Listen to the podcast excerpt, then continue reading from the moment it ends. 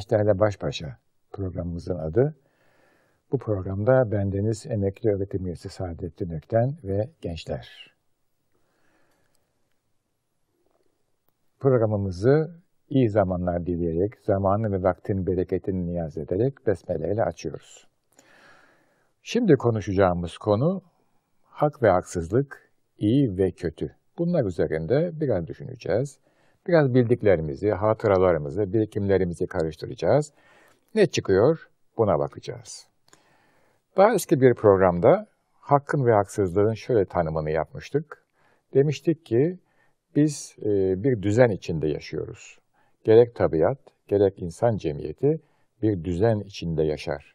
Tabiatta da, insan toplumunda da kaos olmaz. Bunların bünyeleri kaos kabul etmez. Bu düzene uyulduğu zaman, bu düzenin daha basit bir tabiriyle gereken yerine gereken şeyler konulduğu zaman hak teessüs ediyor. Böyle yapılmadığı zaman, düzene uyulmadığı zaman, gereken gerektiği yerde yapılmadığı zaman haksızlık ortaya çıkıyor idi. Dolayısıyla demek oluyor ki bir düzen var ve bu düzene uymak ya da uymamak bahis mevzudur.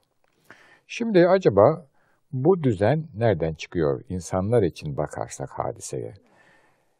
Doğaya baktığımız zaman doğadaki düzenin bir takım tabiat kanunlarının sonucu olduğunu görüyoruz. İnsanlara baktığımız zaman acaba böyle yasalar var mıdır? Bu yasalar insanlar ne kadar uyarlar, ne kadar uymayabilirler? Biraz bunları irdelemek noktasındayız. Şöyle söylemek belki daha doğru olacaktır. İnsanların toplumda düzeni kurarken dikkate aldıkları husus, kendi bünyelerinde var olan değer yargılarıdır. İnsanlar hayatı yaşarken, bu eylemlerini ortaya koyarken malumunuz içgüdüleri söz konusu olur, akılları söz konusudur ve duy, duy, duygusal hayatları söz konusudur.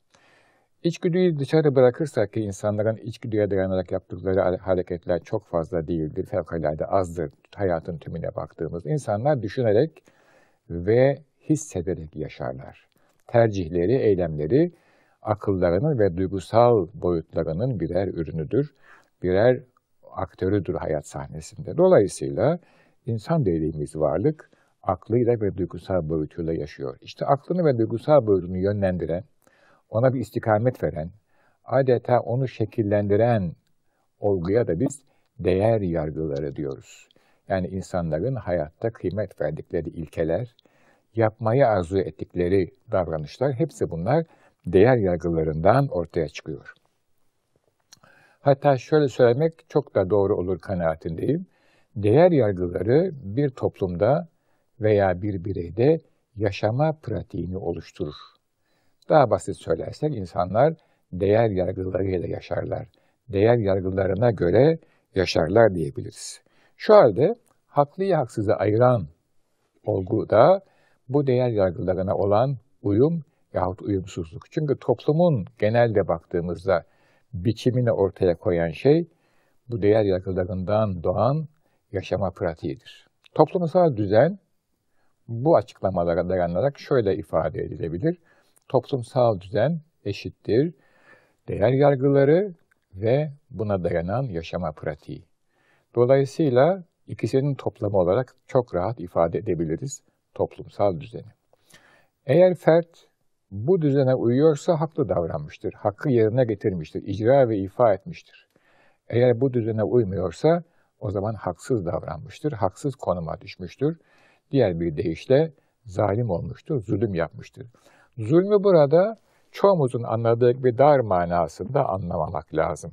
Yani birisine eziyet etmek, onu e, acılar içinde, elem içinde bırakmak şüphesiz zulümdür ama çoğumuzun hiç bilmediği, düşünmediği, hissetmediği, hayal etmediği noktalarda, eylemlerimizde mutlaka zulüm dediğimiz şey bir oranda bulunmaktadır.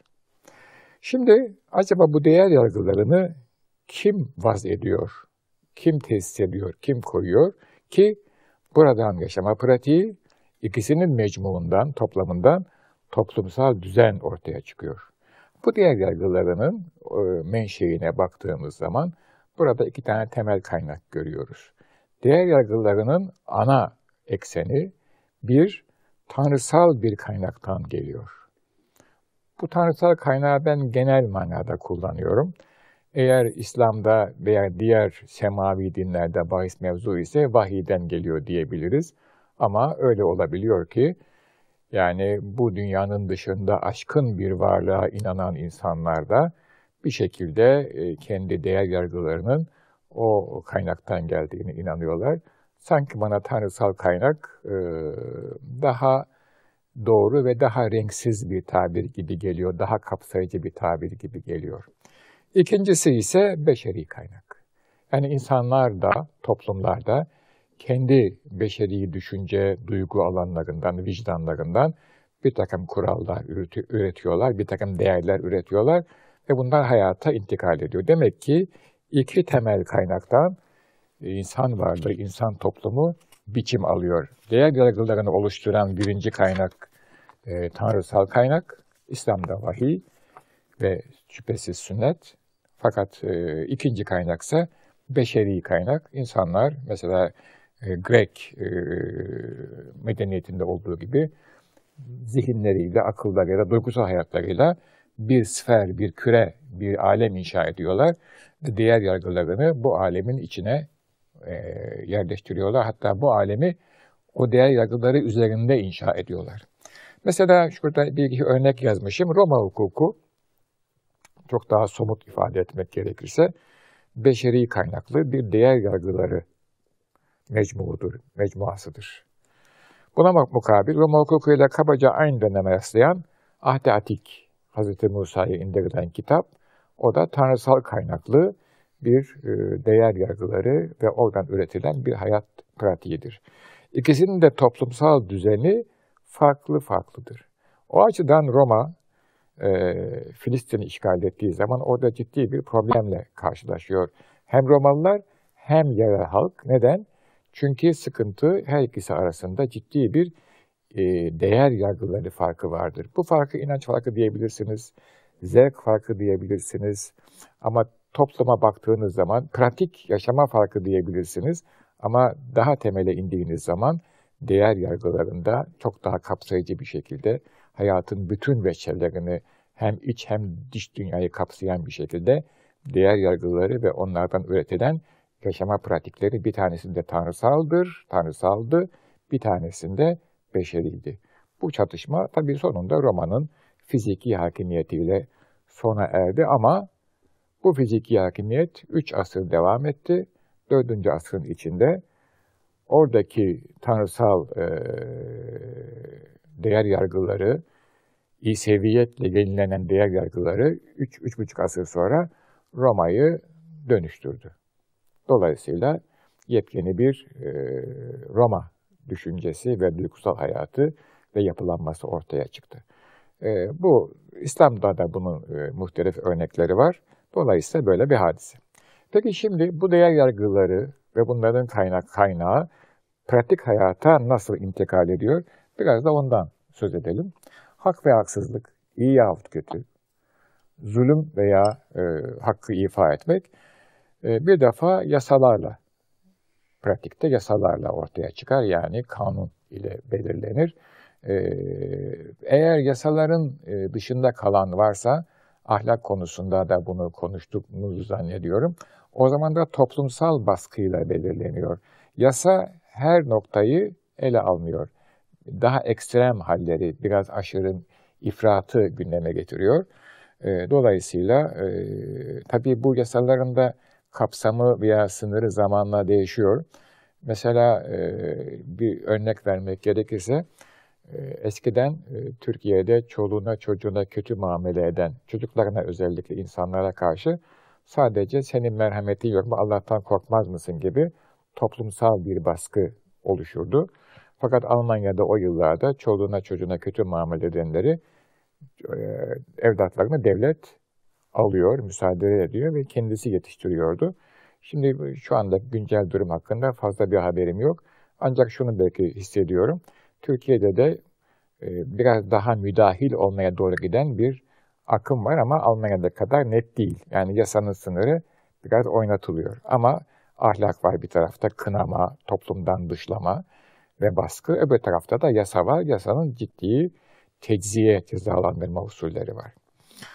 Ee, demek ki hak ve haksızlığı yasalar ayırıyor. Peki başka kaynak yok mu var? O da kamu vicdanı veya birey vicdanı. Şimdi her hak veya haksızlık, zulüm birey tarafından değerlendirilir. Fert tarafından. Fertte vicdan diye bir yetenek var. Kısaca şöyle, şöyle tarif ediyoruz vicdanı. Akla karayı ayıran kabiliyet insanda. Akla karayı ayıran. Bu gayet net bir tabir. Türkçe'de güzel bir e, tanımlama. Neyse o akla kara, içini doldurabilirsiniz. X ile Y'yi ayıran, genci yaşlıyı ayıran, tabi öyle değil esasında iyi ile kötüyü ayıran, hayırla şerri ayıran bir yetenek var. Efendim sübjektif mi? Evet sübjektif. Ama toplumsal bir eğitimden geçmişseniz, o toplumun havasını içinize almışsanız çok da fazla sübjektif değil. Ama hepsinde bir miktar sübjektivite yani öznel davranış olabilir. O onu reddetmiyoruz. Çünkü insan dediğimiz varlık e, pure yani saf, objektif bana göre olamaz. Mutlaka bir duygusal boyut hayatında yer alır. İşte o da insanın güzelliğidir. Aksi halde robot olurduk, bilgisayar gibi olurduk yani. Evet demek ki iki e, noktayla ayırıyoruz hak ve haksızlığı. Birisi yasalar, birisi vicdan, kamu vicdanı. Bazen bu iki kaynağın verdiği hüküm e, çakışmaz. Bir çatışma söz konusu olur. Ama önemli olan kamu vicdanının rahatlamasıdır. Yasa bazen A derken kamu vicdanı yok bu A doğru değil B olması lazım der. Ve o kamu vicdanı tabi yasanın yaptırımı var. Kamu vicdanının yaptırımı yok. Ama kamu vicdanı gizli gizli kanar. Ve içinde problem, gerilim, sıkıntı belirir. Önemli olan yasayla kamu vicdanının örtüşmesidir. Her ikisinin kaynağı da biraz evvel sözünü ettiğimiz gibi tanrısal olabilir, seküler olabilir. Çünkü yasalar ve kamu vicdanı değer yargılarından ve yaşama pratiğinden zuhur eder, neşet eder. Değer yargıları yaşama pratiğinden neşet etmiyorsa yasalar, o topluma yabancı yasalardır onlar. Onlar bir başka toplumun yaşama pratiğinden ve onun ardındaki değer yargılarından doğan yasalardır. Ve o toplumun dertlerine deva olurlar. Bir başka toplumun dertlerine deva olamazlar. Ha bir de tabii şu var, genel manada bütün toplumlarda yasa dışı, hak ihlali olan hususlar var. Mesela hırsızlık gibi. Ama bu hırsızlığın sınırını nasıl çizeceğiz? Nasıl tayin edeceğiz? Yani bir malı sahibi görmeden almak, herkes tarafından gizlice almak hırsızlıktır. Ama e, bir ihalede komisyon almak, bir uçak ihalesi uluslararası yapılıyor. Bu komisyon almak, vermek, işte ufak hediyelerle tabii büyük bir firmalar dünya üzerinde, arz üzerinde bu ticari işlerde hak nerede, zulüm nerede bunu çok kolay kestiremiyoruz. Dolayısıyla biraz böyle gri bölgelere giriyor düşünce ve eylem. Dolayısıyla seküler de olabiliyor, tanrısal da olabiliyor ama ikisinin örtüşmesi gerekli. Peki seküler bir kaynakta haksız e, bulundunuz. Siz e, yasanın verdiği cezayı çekersiniz, toplumun kınamasına da maruz kalırsınız, bu iş biter. Ama e, kaynak seküler değilse, tabii bunları söylerken hep şunu altını çok kalın çizmeye çalışıyorum. Yani kaynak seküler değilse siz de buna inanıyorsanız, yani sizin için de geçerli olan ise bu söylediğim sözler doğrudur. Yani tanrısal bir kaynak söz konusuysa ve siz o kaynağa inanıyorsanız hem bu dünyada cezasını çekersiniz, tabii seküler e, tanrısal kaynağa inandığınız için öbür dünyada da neyle karşılaşacağınızı bilemezsiniz. Dolayısıyla tanrısal bir kaynağa inanan bir insanın hata yapma karşısındaki bedeli iki katlıdır. Bir tanesi dünyevi bilinen bir bedeldir. Bir tanesi uhrevi bilinmeyen bir bedeldir. Hatta tarihe baktığımızda öyle insanlar vardır ki e, bu dünyada bu e, cezanın tümünü çekeyim, öbür dünyada bir ceza ile karşı karşıya kalmayayım demişlerdir. Ceza ne kadar ağır olsa bile. Evet benim e, hak, haksızlık bunların kaynakları Ve bu kaynağın etki derecesi hakkında söyleyeceklerim e, kısaca ve özet olarak bunlardan ibaret. Şimdi e, yine e, soru faslına geldik. E, sorularınızı lütfen alalım. Bakalım bu anlattıklarım zihinlerinizde ve gönüllerinizde nasıl izlenimler bıraktı. Evet buyurun. Saygılar hocam. Ee, anayasal düzende alınan bir kararın kamu vicdanında ben kab- anlayamadım. Anayasal bir düzende alınan bir kararın kamu vicdanında onaylanmayabileceğinden bahsettiniz. Evet, yasa düzeninde alınan evet, onay, evet. onaylanmayabiliyor. Evet, oluyor bu. Peki kamu vicdanını rahatlatmak veya e, herhangi bir şekilde onları rahatlatmak için bir çözüm yoluna gidilebilir mi sizce? Bana sorarsanız e, kamu vicdanı e,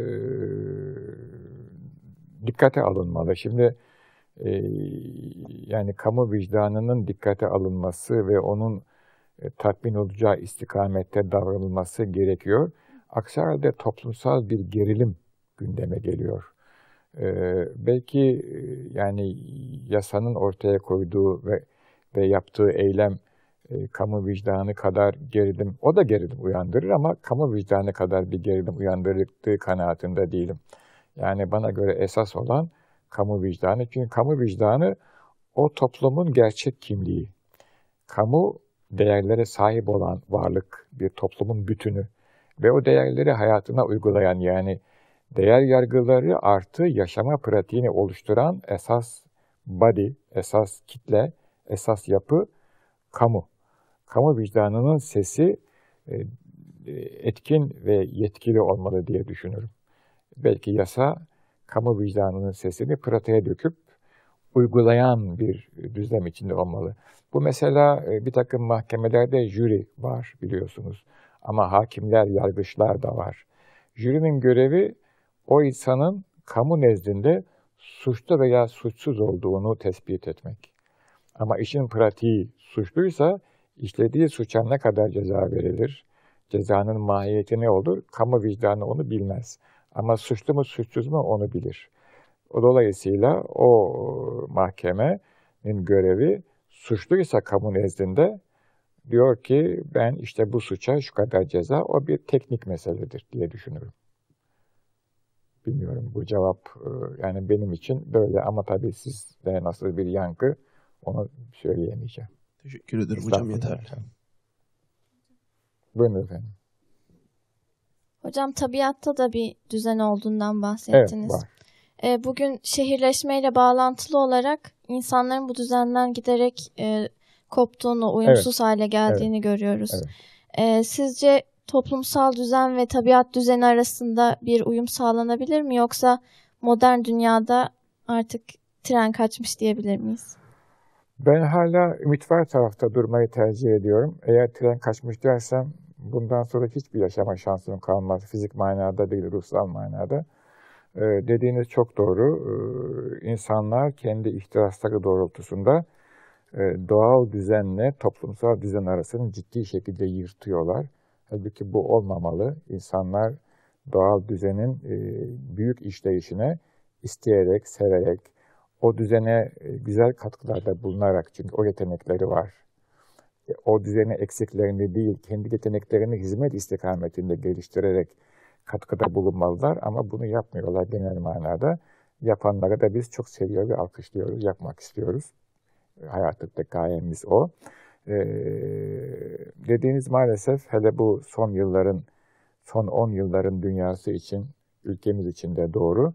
Fakat ben hep iyi taraftan bakmayı tercih ediyorum. E, diyorum ki e, biz gayret edelim, siz gayret edin. E, doğal düzeni e, bozmayalım kendi küçük hesaplarımız, ihtiraslarımız uğruna e, hem varlığımızı, hem bugünümüzü, hem geleceğimizi karartmayalım diye düşünüyorum. Efendim zannediyorum e, yine e, bize ayrılan vaktin sonuna gelmiş bulunuyoruz. E, kamu vicdanı, yasalar, hak, haksızlık, değer yargıları, bunlardan üretilen yaşama pratiği ile bir programı daha sona erdirdik. Hayırlı vakitler, güzel zamanlar diliyorum. Allah'a ısmarladık diyerek huzurunuzdan ayrılıyorum efendim.